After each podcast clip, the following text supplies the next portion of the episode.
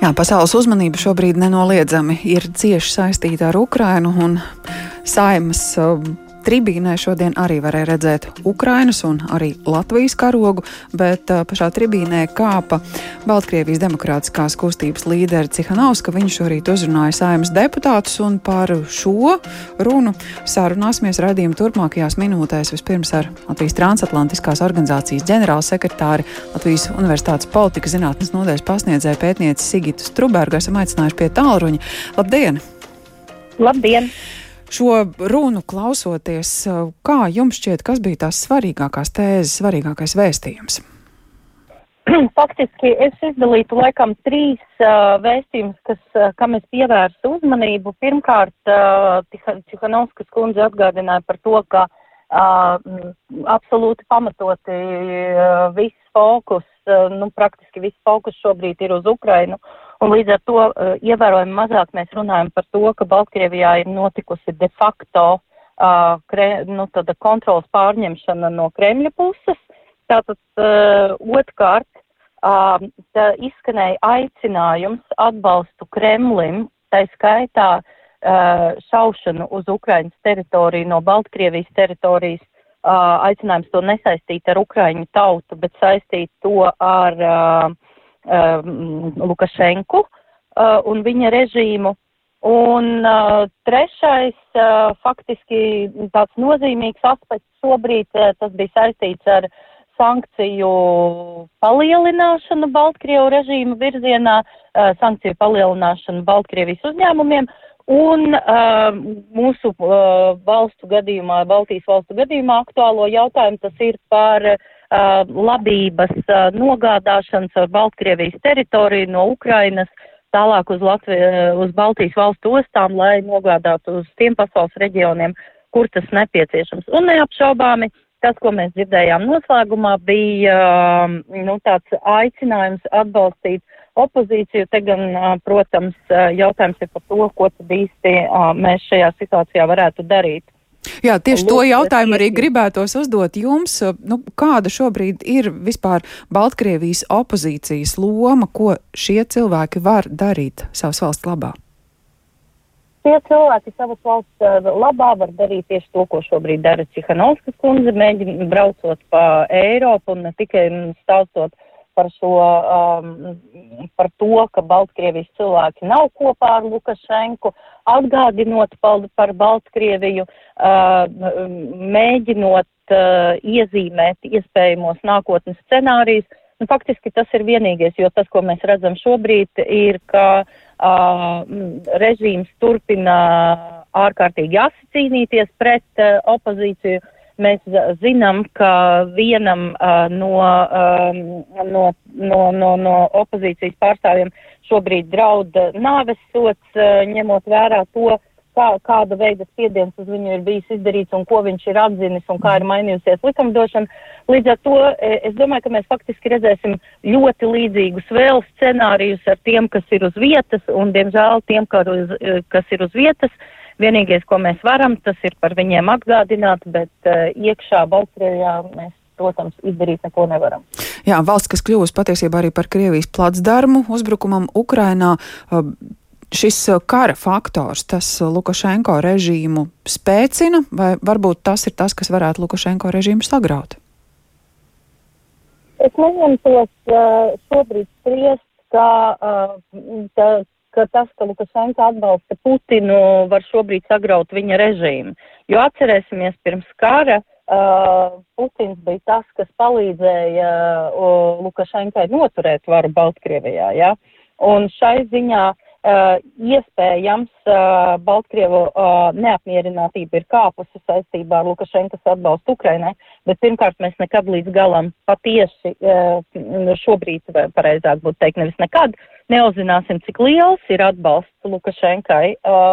Tas ir viens, otrais šobrīd jau, nu, ņemot vērā tā, tās represijas pret opozīciju, uh, iedzīvotājiem jau nav nekādas izvēles palikušas. Līdz ar to es neredzu, ka Lukašenkai šobrīd uh, draudētu kāda ļoti, drī, uh, ļoti drīza, uh, drīza pazušana, Jā. jo ir jāatcerās, ka arī Kremļa saimniekam uh, šāda Baltkrievija šobrīd ir ērta un izdevīga. Mm -hmm.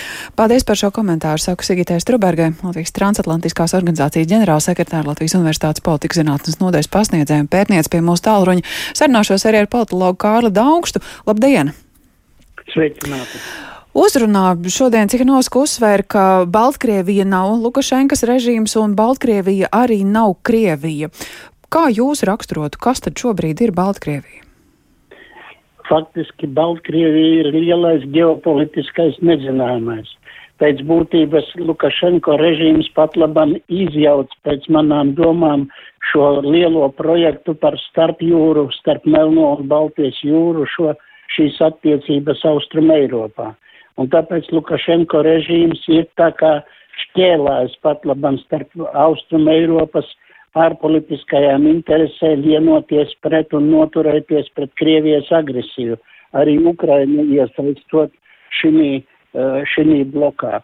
Tāpēc, manuprāt, ka Cihanovskas kundzes vizītes viņas ir ļoti pozitīvi vērtējamas, jo tas dod cerības, ka Baltkrievija kādreiz varētu gāzt Lukašenko šo nelegitīmo režīmu un atgriezties, teiksim, nu, tādu austrumu Eiropas valstu ģeopolitiskajā saimē. Jā, viņi arī aicināja pārtraukt jau kādu sadarbību ar, ar tiem uzņēmējiem, kas šobrīd Baltkrievijā vēl strādā, atbalstot režīmu.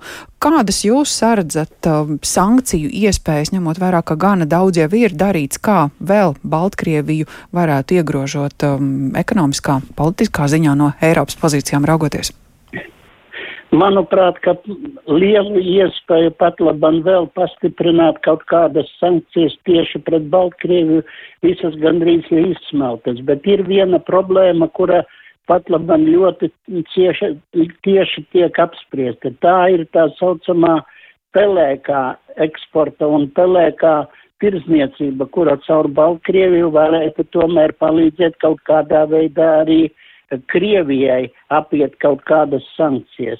Baltkrievija mēģina kaut kādas izveidot slepenas vai arī puspelēkas tādas schēmas, kas atvieglotu viņai pašai eksportēt savus līdzekļus un tai pašā laikā arī varbūt kaut kādā veidā uh, palīdzēt Krievijai, tādējādi nostiprinot Lukašenko pats savu personīgo varas kāri un, un tā sakot, vajadzību Krievijai. Mhm.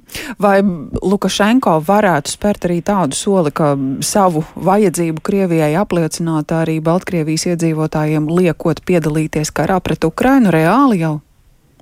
Ziniet, tas ir tas jautājums, kas, manuprāt, tomēr e, Lukašenko no, to, no tā ārkārtīgi baidās bet viņš ir gājis daudz viltīgāku ceļu. Viņš pat labam militarizē un ļoti daudz veltas skaistus un draudīgus vārdus militārajai jomai.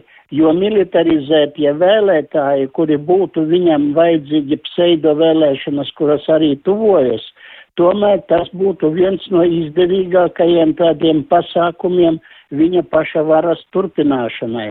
Tad, kad militarizētie formējumi, viņš jau ir izveidojis teritoriālās aizsardzības vienības, šī uzbrukuma vai arī kara retorika, militarizācijas retorika kļūst par viņa iekšpolitiskās izdzīvošanas, ja ne garantu, tad vismaz cerības, uz kuru viņš liek diezgan lielas cerības mhm. tālākajā savā darbībā. No jūsu sacītā izriet, ka savukārt Baltkrievijas opozīcijai cerību uz uh, jau kādu situācijas maiņu praktiski nav šobrīd?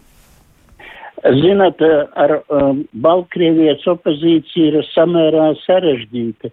Un es domāju, ka šeit Cihanovskas kundzes darbība, kura ir ļoti publiska un veiksmīga, viņa tomēr līdz galam vēl nav atzīta pašā Baltkrievijas sabiedrībā.